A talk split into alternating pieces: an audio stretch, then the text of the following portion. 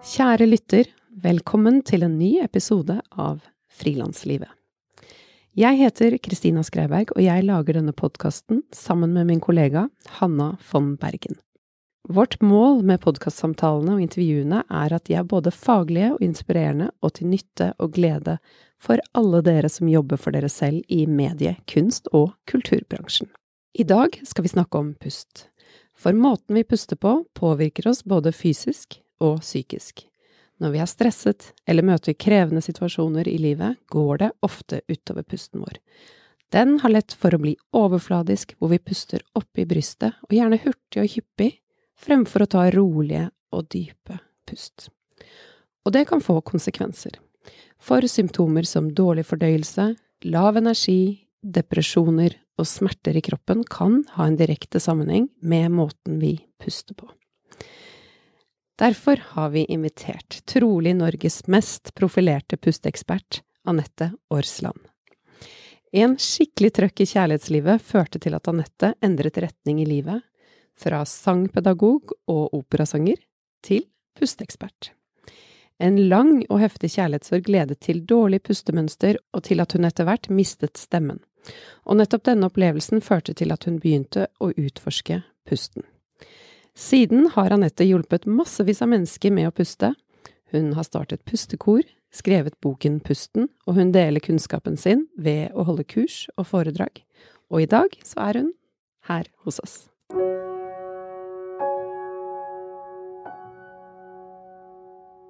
Regnskapsprogrammet Fiken er ukens annonsør, og det er virkelig en game changer, syns jeg, å bruke fiken. For før jeg hadde dette regnskapsprogrammet, så knota jeg noe veldig med regnskap. Jeg tror for mange så er det en sånn barriere i det å drive for seg selv. Men nå så kan man trykke på 'jeg har kjøpt noe, jeg har solgt noe', Fiken hjelper meg med å sende momsoppgave, skattemeldingen, gjøre alle de der tingene.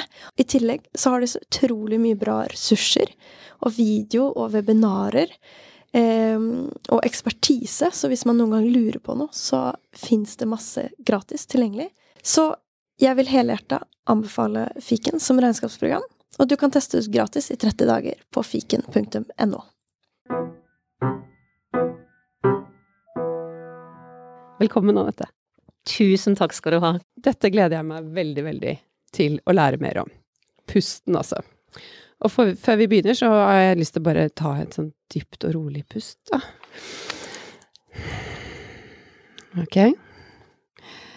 Jeg møtte deg første gang for noen uker siden, eh, da jeg var konferansier på NOPA-seminaret, og du var en av foredragsholderne.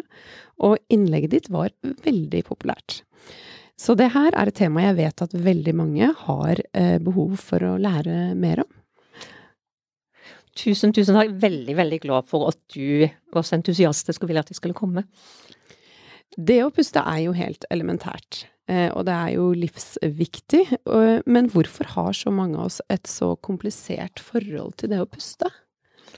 det er et veldig godt spørsmål. Altså, pusten er den eneste funksjonen i kroppen vår som både er autonom og viljestyrt. Og det er noe de aller fleste av oss glemmer, ikke sant? for de tenker at vi, vi puster jo. Så når jeg starta opp firmaet mitt Pusteteknikk for tolv år siden, så sa gjerne folk 'pust', ja, alle puster jo, ha-ha. I dag vet vi at det har vært veldig mye forskning på dette med pust, og det å bruke den viljestyrte pusten til å trene på å få et roligere pustemønster, det har utrolig mange helsegevinster. Både fysisk og psykisk, som du nevnte og fremfor alt mot indre uro, angst, smerter. Og når vi øver på den viljestyrte pusten, så vil òg den autonome pusten bli påvirka, sånn at du automatisk vil puste roligere i de periodene der du ikke tenker på pusten. Men likevel, hvorfor, hvorfor kan det bli så vanskelig for oss å bare puste rolig inn og ut? Det er mange, mange grunner til det, men en av grunnene er jo at enhver følelse vi har, endrer vårt pustemønster. Ikke sant? Så når vi er barn og opplever små og store traumer i livet, så låser vi gjerne pusten. ikke sant? Vi låser mellomgulvsmuskelen vår. Og dette er jo en grunn til at barn ofte, når de gruer seg til ting, men også når de gleder seg til ting, så sier de at de får vondt i magen. Det er det ene. Og det andre er at barn ofte tar etter foreldrenes, og kanskje spesielt mamma sitt, pustemønster. Så hvis de har en mamma som er stressa og puster overfladisk, så er det veldig sannsynlig at barn vil adoptere det pustemønsteret. Og så er det en annen grunn, og det er at vi tar på små barn såkalte kule i gåseøyne klær, som din som strammer rundt magen. Da forteller vi barnet indirekte at her kan du ikke bevege, du kan ikke bevege magen din, og de begynner å puste overfladisk og holde inne magen. Og det er jo òg en grunn som er voksne. Vi går og holder magen inne konstant i frykt for å ikke passe inn i dette skjønnhetsidealet om å ha flate mager. Og det er ingen som kan ha flate mager. Hvis vi skal puste optimalt, så skal magen få lov til å bevege seg. Og så er det jo stress og traumer i løpet, i løpet av livet. Så hvis vi bare lar den autonome pusten styre livet vårt, så vil pusten bli påvirket av enhver tanke du har. Den vil bli rask, den vil bli overfladisk, du kan puste deg redd, du kan puste deg sint, men du kan òg reversere det sånn at du kan puste deg rolig og glad ved å benytte deg av den autonome pusten, nei, unnskyld, av den viljestyrte pusten. Wow, jeg sitter jo um, Dette er et, et, kjempestort tema, jeg gleder meg til å snakke om det. Men jeg sitter også og kjenner at jeg har på meg et ganske et skjørt som strammer ganske godt i dag. Eh, og som ikke Det er ikke så flatterende hvis jeg bare slipper magen sånn ordentlig ut. Og det er jo egentlig et samfunnsproblem at vi driver og skal holde inn denne magen vår hele tiden. Eller hva? Det, det er helt, helt forferdelig. Jeg husker at Christine Koht for flere år siden skrev i denne spalten hun hadde i Aftenposten etter at du hadde vært hos meg, så skrev hun Hadde en tegning av en dame med kjempestore pupper og en midje som var sånn ca. 10 cm. Litt overdrevet. Og så skrev hun tenk at vi stopper en livsviktig muskel fra å gjøre jobben sin kun ut ifra forfengelighet, ikke sant? Fordi at når du holder magen inne, så blir du ikke slankere, snarere tvert imot. Fordi at du får ikke den nødvendige bevegelsen i tarmene dine, i fordøyelsessystemet ditt. ikke sant? Alle de indre organene dine blir stående i ro. Og da vil du få mer fett på magen enn hvis du faktisk lar den bevege seg. Og til og med de tynneste, til og med de mest anorektiske, må ha bevegelse i magen når de puster. Jeg har sett det. Deres mage òg blir større når de puster inn, når de puster optimalt. Den skal ikke være flat på innpust. Altså, vi må bare fri magen vår? Ja, altså, jeg har, jeg har et uttrykk, og det er pust ut og slipp magen fri. Ja. Og jeg husker jeg hadde en av toppidrettsutøverne våre på klinikken, og han sa at jeg har skjønt at til og med en topptrent mann kan ikke ha sixpack på nedre del av magen på innpust hvis vi skal puste hensiktsmessig og optimalt. Vi har begge på oss rosa klær i dag. Eh, jeg har et rosa skjørt eh, Eh, som strammer litt for mye, men du har en litt sånn mer vid, flott kjole. Er det bevisst at du går med klær som ikke strammer for mye? Det er superbevisst. De som kjenner meg, vet at jeg alltid går i kjoler. Og jeg går aldri med noe som strammer rundt, rundt livet. Og jeg tenker sånn, hvis man også skal eh, stå på en scene eller gjøre noe viktig, at man Ja, er det viktig for oss å da ta på oss klær som vi kan være frie i. Vet du hva, Det er så mye viktigere enn en de fleste er klar over, og, og, måten du skal stå på på den scenen. ikke sant? Hvis du kommer litt bakpå hælene f.eks., så strammer du magen automatisk. Og da vet jeg, jeg holder jo en del kurs i presentasjonsteknikk òg, eller hvordan folk skal snakke fra en scene. Hvis de kommer opp på scenen og står bakpå, så vet jeg at dette her blir en helt forferdelig presentasjon. Og med en gang en kommer litt frampå og klarer å slippe magen, så blir en mye mer til stede i seg sjøl, en blir mer autentisk, stemmen blir annerledes, og en får en mye større ro og en større autoritet. Men hvordan, hvordan bør vi puste? Ja, det er jo et ganske omfattende spørsmål. Altså, jeg pleier aldri å si at folk puster feil eller, eller riktig, ikke sant. Eh, men det som er, det er at de har mellom, mellom gullsmuskelen vår, den deler kroppen hvor fysiske to ligger under ribbene våre. Sånn, den er festa til lungene våre, og så er festa til ryggvirvel L2, som ligger sånn midt på, eller litt nede i ryggen, og så er festa til de seks nederste ribbene våre. Det vil si at de seks nederste ribbene våre de, bevege, de vil bevege seg utover på innpust og innover på utpust. Men det er ingen grunn for at vi skal holde på å puste oppe i bryst og kragebein. Og det er jo det veldig, veldig mange gjør. Og ved at vi hever og senker kragebeinet, helt opp i øvre del av bryst, så vil vi skape masse spenninger i bryst, i brystrygg, eh, mellom skulderbladene, hals, nakke, kjeve, hode. Så veldig mange får spenninger i skuldre, nakke, hode, som et direkte resultat av et overflatisk pustemønster. Og dette er jo faktisk den største grunnen til sykefravær i Norge. Det er jo muskel- og skjelettplager, og primært i nakke og skuldre. Så mye bunner rett og slett, eller kan bunne ut i at man puster overfladisk. Absolutt, og husk at med en gang du får en frykttanke, så vil kroppen din, du vil gå i fight or flight, i den delen av nervesystemet, ikke sant, som der du skal flykte eller kjempe, og da vil pusten automatisk bli overfladisk og rask, og det er jo derfor det er så viktig å lære hvordan kan du da bruke den viljestyrte pusten til å puste deg ut av denne situasjonen igjen. Hvor mange pust bør, ja, jeg vet ikke om det blir riktig å si bør, eller anbefaler du at man kan ha i løpet av et minutt? Ja, her er det jo eh, masse forskning. Altså Senest nå, bare for noen uker siden, så var det i Illustrert vitenskap. Det sto de hadde gjort en undersøkelse på de menneskene som levde lengst i verden. Og de fant ut at de som levde lengst, de pusta fem til seks åndedrett i minuttet. Når de var i ro, selvfølgelig. Det er viktig for meg å si.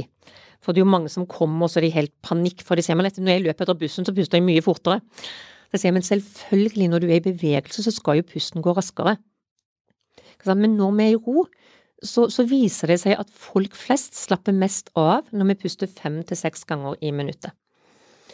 Og, og, det er jo mange ulike forskningsrapporter. som noen hevder at å puste inn på fem sekunder og ut på fem sekunder er det som roer oss mest ned, og som aktiverer den største beroligende nerven i kroppen vår, vagusnerven, mest. Men så er det andre forskningsrapporter som viser at det med lange utpust eh, er det som, som funker best. Men, men, det som er viktig for meg å si, er at det, hvis du har pusta overfladisk og raskt lenge, så kan du ikke plutselig gå fra å puste 30 ganger i minuttet til kanskje å puste fem ganger i minuttet. For da vil respirasjonssenteret i hjernen din protestere. Det vil si 'hallo, du sprø, Kristin, du puster altfor fort, du får ikke nok luft'. Eh, og derfor er det veldig mange klienter som opplever på første time at de får en sånn åndenød, altså de kjenner at de må 'nå må jeg trekke inn mer luft', eller de begynner å gjespe veldig mye.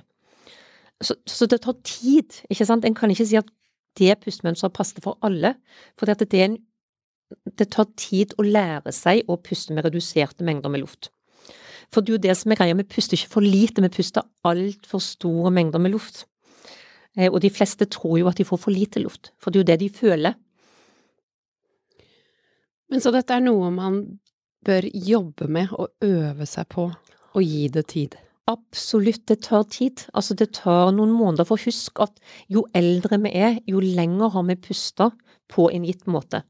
Så hvis du kun har pusta i bryst og kragebein i flere år, så tar det jo lengre tid å reversere. Tror jeg. ja.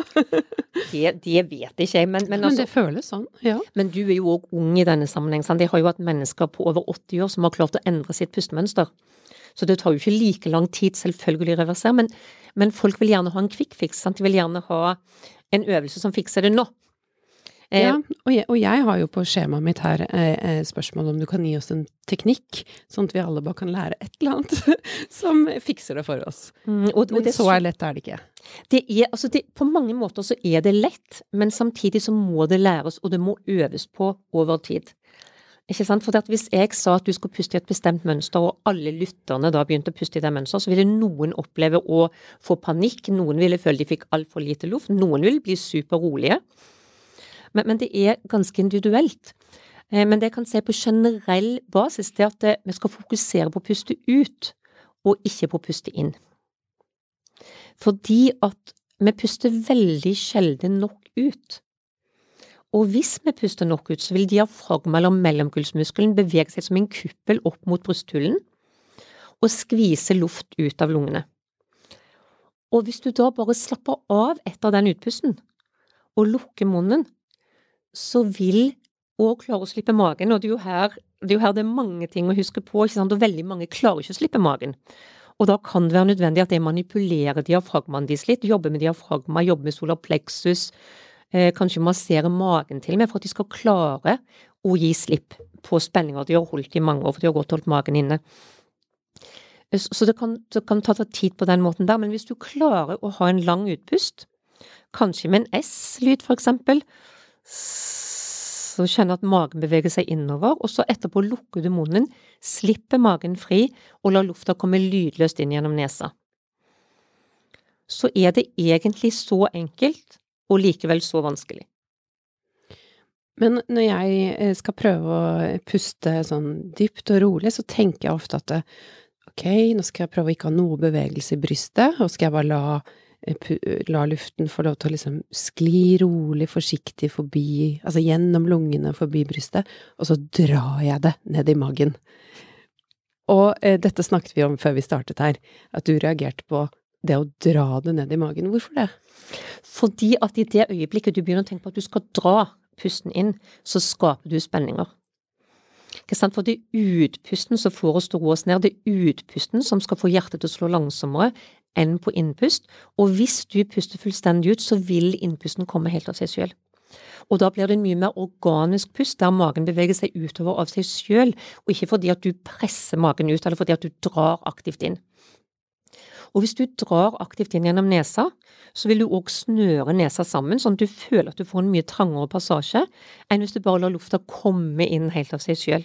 Med en sånn takknemlighetsfølelse eller følelse av indre smil, ikke sant, som òg er veldig, veldig sunt for oss begge deler. Både det å kjenne på takknemlighet og det å kjenne på et smil, og faktisk smile.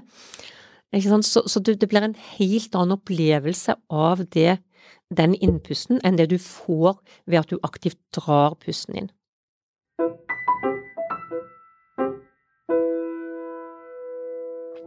Jeg har en personlig hypotese da, med dette med å, for eksempel som du nevnte, å puste fem-seks eh, rolige pust i løpet av et minutt, som jo er veldig eh, ja, ro rolig. jeg har hørt at skilpaddene puster så sakte, og de lever jo så lenge. Mens hunder, for eksempel, de ser jeg jo puste sånn Og de lever jo ganske kort. Tror du det har en sammenheng? Hva, jeg dette er min personlige hypotese. Men vet du hva, jeg elsker at du sier det, fordi at jeg har jo skrevet om dette òg. Oh, ja. Jeg har sagt en skilpadde puster to til tre ganger i minuttet, og de lever jo til de er kanskje 150 år. Ja, noen er 200-300 år gamle. Ikke sant? Mens en, ja, ikke sant? Mens en hund da lever jo veldig, veldig kort, og de puster kanskje 30-40 ganger. Så jeg vil ikke påstå, men jeg tror, jeg er helt enig i din hypotese, og det viser jo òg denne forskningen som de hadde gjort, som de gjenfortalte i Illustrert vitenskap, ikke sant, at de menneskene som puster fem-seks ganger, er de som lever lengst. Og absolutt, og jeg hadde et foredrag i Gøteborg for noen år siden, og der var det en mann, en mannlig overlege, som snakket rett etter meg. Og han var overbevist om at flere av dagens sykdommer er direkte forårsaka av hyperventilering, altså av at vi puster for store mengder med luft, vi puster for fort og vi puster for hyppig og overfladisk. Det å puste gjennom nesen, er det viktig? Er det lurt? Det er faktisk utrolig lurt, og spesielt kanskje nå med all virus som er i lufta, og jeg vil aldri, aldri påstå at vi kan unngå å få covid, det må jeg bare si, eh, på måten vi puster på. Men når vi puster gjennom nesa, så har vi masse flimmerhår både i nesa og i nesehulen, som er like stor som munnhulen cirka. Og der går lufta gjennom masse, masse, masse ganger med masse flimmerhår som tar imot bakterier, virus, forurensningspartikler i lufta. Ikke sant? Og når du da puster ut gjennom nesa, så kvitter du deg med disse partiklene i løpet av veldig kort tid.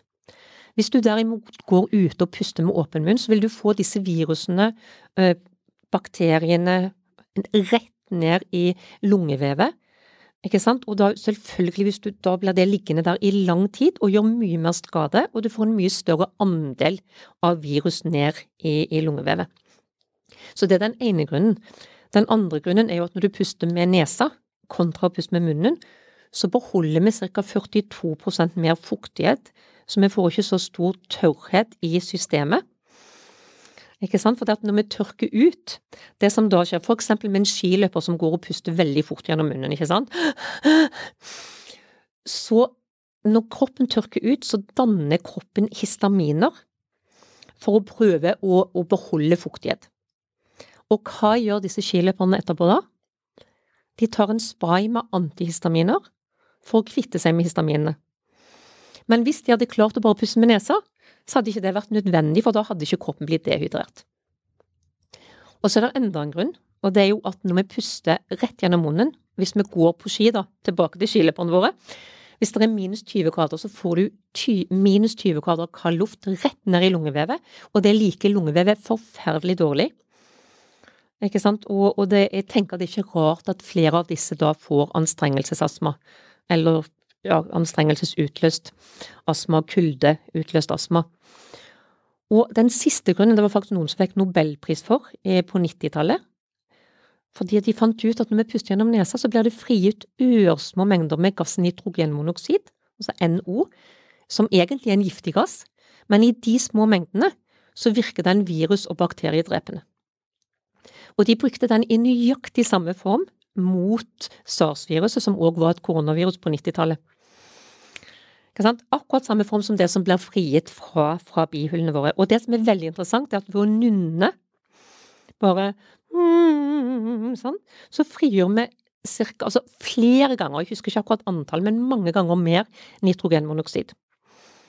Er ikke det spennende? Og i tillegg så virker nitrogenmonoksid eh, altså Det får blodårene våre til å utvide seg, sånn at eh, blodet flyter lettere gjennom årene, vi får varmere fingre og tær, eh, blodtrykket synker, ikke sant. Så det er så mange grunner, så jeg anbefaler alle når, når, de ikke trener på den viljestyrte pusten, om å holde munnen lukka. Vi er altså designet for å puste gjennom nesen. Er absolutt for det. Vi skapt Indianerne lukka munnen på sine spedbarn hvis de pusta med åpen munn, så dette er gammel, gammel kunnskap. Og jeg teiper jo igjen munnen min hver natt med, med denne slipteipen, ikke sant. Og etter at Thomas Gjertsen var på Lindmo og fortalte at han teiper igjen munnen, så fikk jeg jo 60 bestillinger dagen etter på denne teipen, ikke sant. Så det er jo veldig, veldig morsomt. Ja, altså jeg er litt, eh, litt sånn tett i nesen i disse dager. Eh, litt sånn småforkjølet. Og jeg eh, har sovet med åpen munn i et par netter nå. Og merker jo at jeg våkner og er jo kjempetørr i mm. munnen og egentlig hele systemet. Mm. Um, og så fortalte jeg deg at jeg tok uh, litt nesespray før dette intervjuet, sånn at jeg faktisk kan puste inn og ut gjennom nesen. Og da ristet du på hodet. Hvorfor det? Nei, det var gjerne litt voldsomt av å riste så voldsomt på hodet, men eh, det er ikke farlig å ta nesespray en veldig kort periode når du er forkjøla, men det er jo de som bruker nesespray dag ut og dag inn, ikke sant vel, og da tørker en inn slimhinnene sånn at en opplever at de hovner opp, slimmen i nesa vil hovne opp, sånn at det blir enda tettere, enda vanskeligere å puste, og så tar de mer og mer nesespray, og til slutt må de gjerne operere slimhinnene. Eh, så med varsomhet? Ved veldig stor varsomhet, for det er mye vi kan gjøre. Da vil jeg heller anbefale å skylle med en sånn saltvannsoppløsning, sånn med en sånn yogakanne som noen bruker. Eller gjøre pusteøvelser der en faktisk bruker nesa veldig aktivt, som, som de gjør i ildpusteyoga, for eksempel. Jeg vil gjerne snakke litt mer om konsekvensene av å ikke puste eh, dypt og rolig. Og det har jo du en personlig erfaring med. Kan ikke du fortelle litt om din historie? Og din vei inn i dette landskapet? Jo, altså, jeg har alltid vært et menneske som har vært litt sånn eh, lettere nevrotisk, følt med litt sånn indre uro, masse energi. Skulle alltid ønske at det var dobbelt så mange timer i døgnet. Alltid beveget meg veldig raskt, ikke sant. Og jeg skal ikke si at jeg har dramatisk endra personlighet, for det har jeg jo ikke. Men det jeg opplevde etter denne kjærlighetssorgen som du sa, der jeg gråt hver dag i to år, jeg gråt og sang og gråt og sang, ikke sant, og våkna en dag etter en konsert helt uten stemme, det var jo at når jeg lærte min første pusteteknikk, så opplevde jeg ikke bare at stemmen kom tilbake, sterkere og bedre enn noen gang, men jeg kjente jo på en sånn tilstedeværelse og indre ro som jeg aldri tidligere hadde kjent på. Og, og det å, å, skulle stå foran en folkemengde og holde foredrag, eh, det hadde vært helt utenkelig for meg før. Og nå elsker jeg Jeg kan stå foran flere hundre mennesker og storkose meg, altså virkelig kose meg. Og det er jo denne indre roen i under alle å finne, da. Ikke sant? Og ikke bare det, men jeg hadde òg, eller har, en skoliose i ryggen som gjorde at fra jeg var 13 år, så hadde jeg veldig mye smerter. Og jeg opplevde jo òg at disse smertene, de ble jo nesten borte, uten at de måtte ta noen behandlinger, bare ved å puste. Så det har, det har vanvittige konsekvenser av måten vi puster på. Fordi at når vi puster roligere, så blir kroppen mer basisk. Eh, når vi puster fort, så blir den sur, ikke sant. Og, og det er jo sånn at alle, alle betennelser starter med en stille inflammasjon. Og en stille inflammasjon kan ikke starte i et basisk miljø. Den er helt avhengig av syre.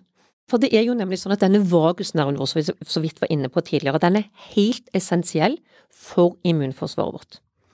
For det er sånn at hvis altså Som sagt så begynner alt med en stille inflammasjon. Og hvis jeg hadde hatt en liten stille inflammasjon i min venstre nyre, for eksempel, så vil det bli sendt signaler fra min venstre nyre gjennom vagusnerven med beskjed til hjernen. Hallo, det er en begynnende inflammasjon i hennes venstre nyre. Og da ville hjernen respondert med å sende ut betennelsesdempende stoffer i blodbanene gjennom vagusnerven, sånn at denne stille inflammasjonen ble borte. Men når vi lever med store mengder lagra stress i kroppen, så blir denne vagale tonusen, som det heter, svekka. Den blir mye svakere. Og det vil si at hjernen vil aldri få beskjed om at det er en stille inflammasjon. Og den vil aldri kunne sende ut betennelsesdempende stoff. Så da får den lille inflammasjonen lov til å ligge der og godgjøre seg til å bli til en betennelse, eller kanskje til mer alvorlig sykdom. Og den enkleste måten som sagt å aktivere denne vagusnerven på, det er en, altså det å puste roligere. Det var en, en artikkel i, i, New York Times for noen år siden der det sto at the easiest way to hack your vagus nerve is through long exhalations, altså lang, gjennom lange utpust. Og den andre funksjonen til vagusnerven er jo kontakten mellom tarmene og hjernen. Og det er jo òg super, superspennende, ikke sant? Så det blir hele tiden sendt signaler, ca. 80% fra tarmene til hjernen og 20% tilbake, gjennom vagusnerven.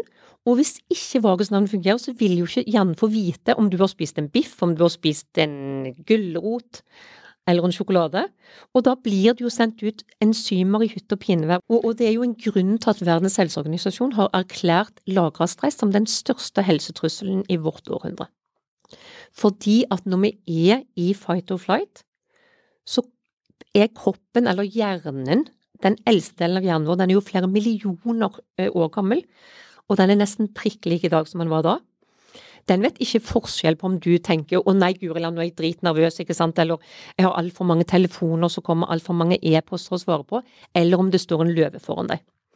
Så all energi går ut i armer og bein for at du skal bekjempe denne faren. Men når all energi går ut der, så går også all energi i vekk fra immunforsvaret ditt, så du kan ikke bekjempe potensielle farer utenifra, og samtidig bekjempe farer innenifra og i form av bakterier og virus. Og Derfor er det så ekstremt viktig å få en balanse i det autonome nervesystemet vårt mellom fight or flight og det de på engelsk kaller for rest and digest, altså hvil og fordøy. Og her er jo pusten helt essensiell for denne fordøyelsen.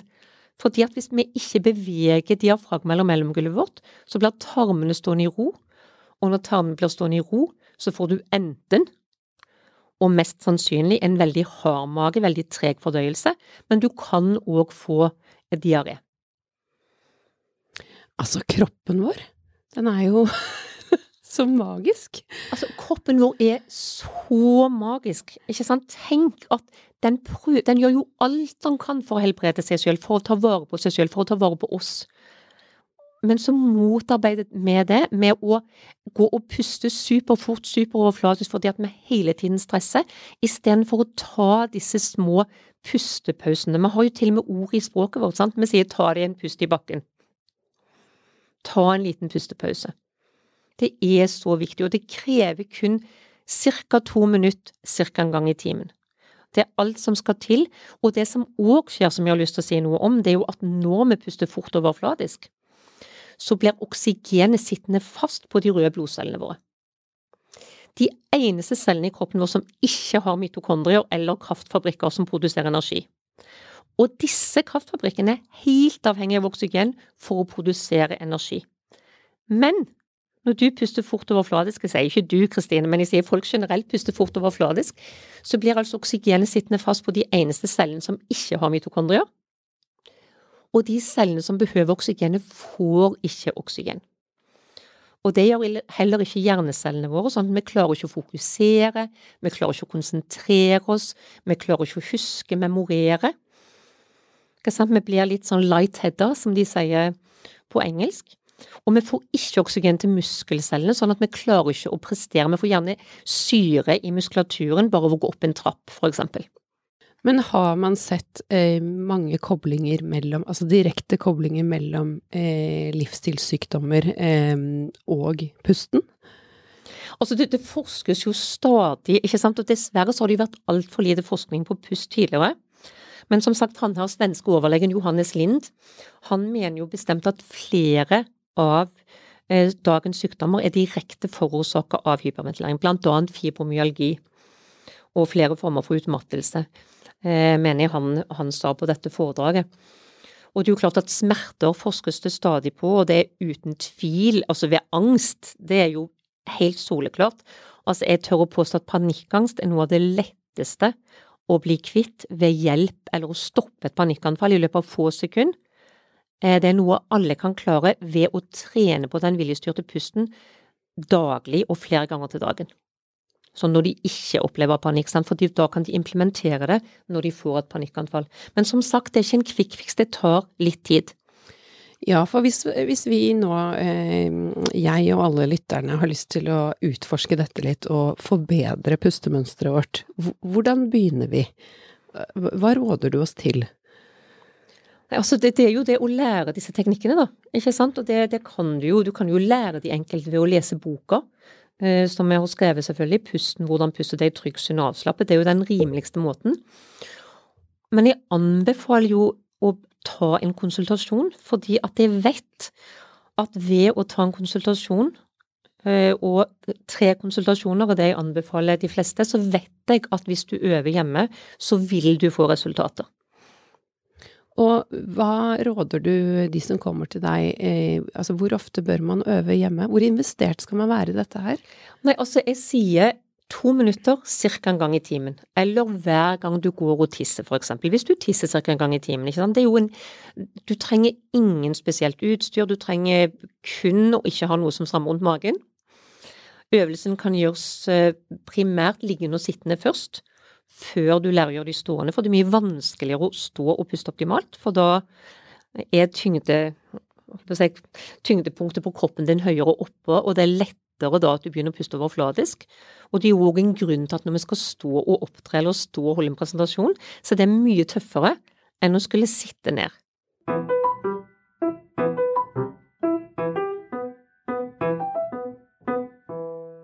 Du mistet jo selv eh, stemmen eh, fordi du ikke, pustet eh, rolig og dypt nok. Og jeg tenker mange av de som lytter til oss, de bruker jo enten stemmen sin i form av at de er sangere, eller holder foredrag, eller ja, fremfører på en scene. Og hvordan tenker du at Eller hvor verdifullt tror du det kan være for utøvere som jobber med stemmen sin, å investere i pusten? Å, guri land, jeg vet ikke hvor jeg skal begynne engang. Altså, det er jo dette jeg elsker aller mest å jobbe med, ikke sant, fordi at jeg har jo Jeg har jo hatt flere av eh, våre artister hos meg på klinikken, ikke sant, og jeg har også hatt blåsere som spiller blåseinstrument, som har opplevd å få et bedre klang i instrumentet sitt. Eh, når det gjelder stemme, så er det helt essensielt at vi ikke puster opp i brystet, fordi at når vi puster opp i brystet, så spenner vi òg halsen og strupehodet. Ikke sant? Når du spenner strupehodet, så spenner du stemmebåndene. Det er det ene. Men det andre er, det er jo det å lære å bruke denne såkalte støttemuskulaturen som vi sangere snakker så mye om. Eh, men her ser jeg at det er så mye misforståelser på hva denne støttemuskulaturen er. Så jeg har jo lært noen teknikker både i Milano av en ørenes- og halsspesialist som jobbet på La Scala, altså verdens mest kjente operahus, eh, og av eh, av en annen i, lege i London. En annen type teknikker. Og det jeg har funnet ut av, det er jo at hvorfor i all verden har jeg gått og lært hos sangpedagoger i tolv år og betalt hundretusenvis av kroner? Fordi at det jeg har funnet ut, at hvis vi får pusten på plass først, og så trener opp denne muskulaturen som er helt nede i lysken, altså helt nede ved kjønnsbeinet. Hvis vi trener denne muskelen opp ved disse spesifikke teknikkene som er i form av ulike typer situps kombinert med pust, og deretter bruke de teknikkene jeg lærte i London for å få luftstrømmen på denne muskelen, etter at du har opparbeidet muskelen, så får vi stemmen på luftstrømmen og muskelen. Da er det, altså det er som bankers opplegg at det garanterer at alle som lærer det, får en mye, mye kraftigere stemme med mye bedre kontroll på stemmen. Uten å bli sliten i stemmen av å bruke stemmen. For det er jo det, hvis en ikke har den kontrollen, så hadde jeg bare snakka sånn som dette her. Hvis jeg snakker uten å ha, uten å bruke den muskelen, så blir min stemme sånn. Istedenfor når jeg aktiverer den muskelen, så blir jo stemmen veldig annerledes. Og for sangere så er det jo helt, helt, helt essensielt og, og det er til og med mange klassiske sangere sant, som, som, som, har misforstått litt, eh, tør jeg påstå, denne, den bruken av denne muskelen, da. Og hva tenker du om sånn å eh, bruke pusten for å eh, håndtere prestasjonsangst eller nervøsitet, eller altså før man skal fremføre noe? Det, det, det, er alfa og omega. Det handler alt om hvordan du reiser deg opp, hvordan du går inn i rommet, hvordan du står, og at du bruker pusten bevisst når du står der, når du smiler til publikum, ikke sant, at du da puster rolig ut. Det er det beste rådet jeg har. Mens du står og smiler og tar imot applaus hvis de applauderer når du kommer inn, ikke sant. Smil. Ta deg god tid til å puste lydløst inn gjennom nesa. Nyte øyeblikket. Nyte øyeblikket. Og, og, det å smile er jo òg veldig avvæpnende, og det er faktisk stressdempende for deg sjøl òg. Eh, og det å puste rolig det gjør jo òg faktisk at nivået av kortisol, stresshormon, synker. Og når vi får lavere nivå av kortisol, så får vi tilsvarende høyere nivå av testosteron. Og vi kvinner er jo òg helt avhengige av testosteron for å tørre å ta vår plass, for å tørre å ta ordet. Ikke sant? Og dette her er jo, dette er jo det jeg brenner aller, aller, aller mest for. ikke sant? Jeg jobber jo veldig mye med prestasjonsteknikk. Og holder nå på med et lederprogram for kvinnelige ledere primært, fordi at det er så mange kvinner eh, som dessverre ikke bruker stemmen sin optimalt. Eh, og dessverre så er det sånn fortsatt i 2022, glemte nesten hva det var, at kvinner får kortere taletid enn menn. Ikke sant? Og det, og det, mener de i en viss grad skyldes at noen kvinner høres ut som barn når de snakker.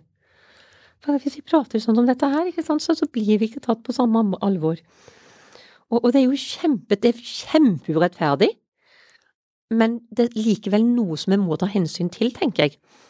Så, så både Margaret Thatcher i sin karriere snakket dypere og dypere. Siv Jensen ble jo kritisert for at hun nesten hørtes ut som en mann. Men jeg er sikker på at det er veldig mye å hente hvis vi vil ha større gehør for vår mening, eh, eller større kredibilitet, så tror jeg det er veldig viktig å faktisk investere litt tid i å jobbe òg med stemmen. Ja, jeg er veldig bevisst på det selv, jeg, ja, sånn som når jeg sitter her i studio og lener meg tilbake, senker skuldrene, puster rolig og merker hvordan det påvirker stemmen både toneleie, men også hvilken ro man får i stemmen når man har en rolig pust? Absolutt, i aller høyeste grad.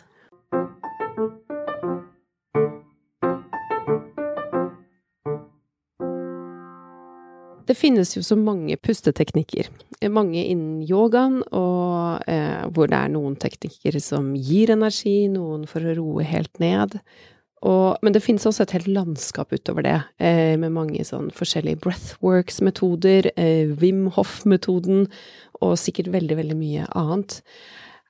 Er det noe du tenker at man bør være litt påpasselig med når man utforsker nye måter å puste på? Oi, det var et veldig, veldig godt spørsmål, men vet du hva, jeg tenker at det er mye bedre å jobbe med pusten enn å ikke gjøre det. Når det er sagt, så var jeg veldig forvirra til å begynne med i forhold til ja, for eksempel Wim Hof, da, som jo driver med en ekstrem hyperventilering. Men grunnen til at den teknikken òg funker, det er at de har et langt pustehold etterpå, som gjør at da vil Dette blir litt sånn kompleks, men det gjør at CO2-nivået igjen i lungene og blodet stiger når du holder pusten etterpå, som gjør at oksygen igjen blir frigitt til cellene som trenger det, ikke sant? Det eneste jeg vil, jeg ville ikke gjort Wim Hof hvis jeg var sanger, eller hvis jeg var veldig avhengig av stemmen, fordi at det er veldig uttørrende for stemmen å drive med den hyperventileringen. Men så er det jo mange som elsker den teknikken, så jeg er jo bare veldig glad for alle teknikkene som finnes. Det jeg er opptatt av, det er at det skal være mest mulig basert på forskning som er gjort på pust. For det finnes jo mange alternative teknikker der ute, der du skal puste gjennom tærne eller gjennom fingrene, eller Og det er faktisk ikke mulig. Beklager å si det, men det, det er ikke mulig. Så, så, så lenge det er det, og så lenge teknikken går ut på at du skal puste mindre mengder med luft, at du ikke skal puste langt opp i bryst og kragebein, som skaper masse spenninger, og jeg forstår hvorfor full yogapust eksempel har fokus på denne tredelte pusten, der du puster først i mage, så ribber og så øvre del av bryst. Fordi at når den ble danna, så puster mennesker mye, mye dypere og mye roligere enn det vi gjør i dag, i dette multitrask-samfunnet, ikke sant? Nå opplever jeg at de aller, aller fleste puster overfladisk og raskt, og har masse spenninger i skuldre, nakke, kjeve, hode, bryst. Og derfor så er jeg i dag opptatt av at det viktigste er at vi utvider mage, rygg, de seks nederste ribbene, og holder oss unna brystet. Men det kan jo godt hende at jeg om fem eller ti år ikke er enig med det jeg sier i dag, for det jeg er veldig opptatt av, det er at jeg hele tiden skal følge med på den forskningen som skjer. Men per i dag, og det jeg har sett på veldig, veldig mange klienter som jeg har hatt, er at 99% av de har spenninger i den delen av kroppen, og at det da er veldig hensiktsmessig å flytte det pustemønsteret dypere ned. Altså, jeg sitter jo her og tenker at du kan enormt mye om dette feltet. Og du har jo en bakgrunn som operasanger. Og hvordan har det vært for deg å eh, gå fra det å måtte, altså lære seg så mye om et helt nytt felt? Så jeg, jeg, har jo ikke følt at det var et helt nytt felt på en måte, selv om det er jo sånn folk tror at når du har studert opera, så kan du synge.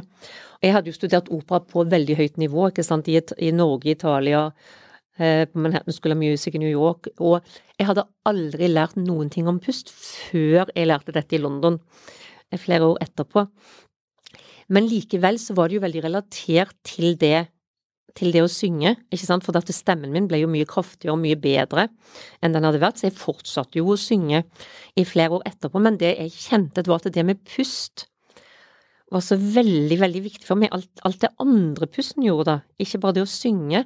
Og jeg blei etter hvert veldig lei av denne navlebeskuenheten, Når alltid våkne hver morgen og bare tenke på stemmen.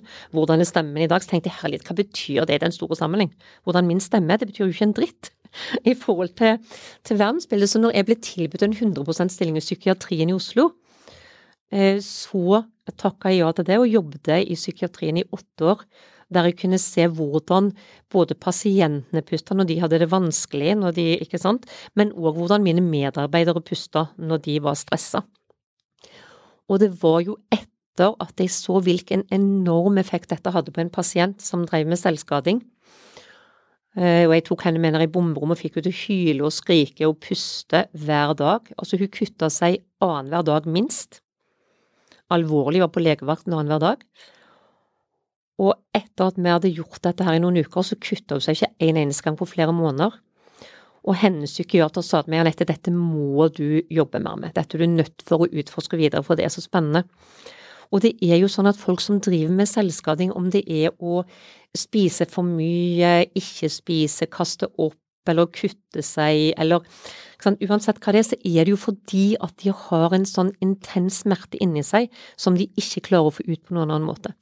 Så gjennom det å bruke pusten, ved å bruke stemmen, ved å komme i kontakt med emosjonene, med følelsene, få ut gråt, få ut sinne, som vi låser så mye inne i dette landet her, ikke sant, så, så er det så spennende, og det er jo veldig relatert til alt jeg har gjort tidligere. Så jeg følte ikke jeg begynte på noe nytt, jeg følte heller når jeg starta mitt firma, så følte jeg at endelig så kan jeg bruke alt jeg noen gang har lært i hele mitt liv. I samme jobb. Ikke sant? Så jeg føler jo meg som verdens heldigste menneske med verdens aller beste jobb. Synger du litt fortsatt? Det gjør jeg veldig, veldig, veldig lite. Eh, veldig lite. Og, jeg, og det av og til så savner jeg det. Jeg hadde en konsert for noen år siden sammen med min tidligere pianist. Eh, Arnhild Wiik, og, og, det var fantastisk. Og husk, Anette, du har jo aldri sunget bedre. Og det er jo fordi at jeg hele tiden jobber, jobber med pusten. Men jeg har rett og slett så utrolig mye å gjøre, og jeg elsker det jeg gjør. Men jeg kommer nok sannsynligvis til å synge litt mer etter hvert òg, det, det, tror jeg.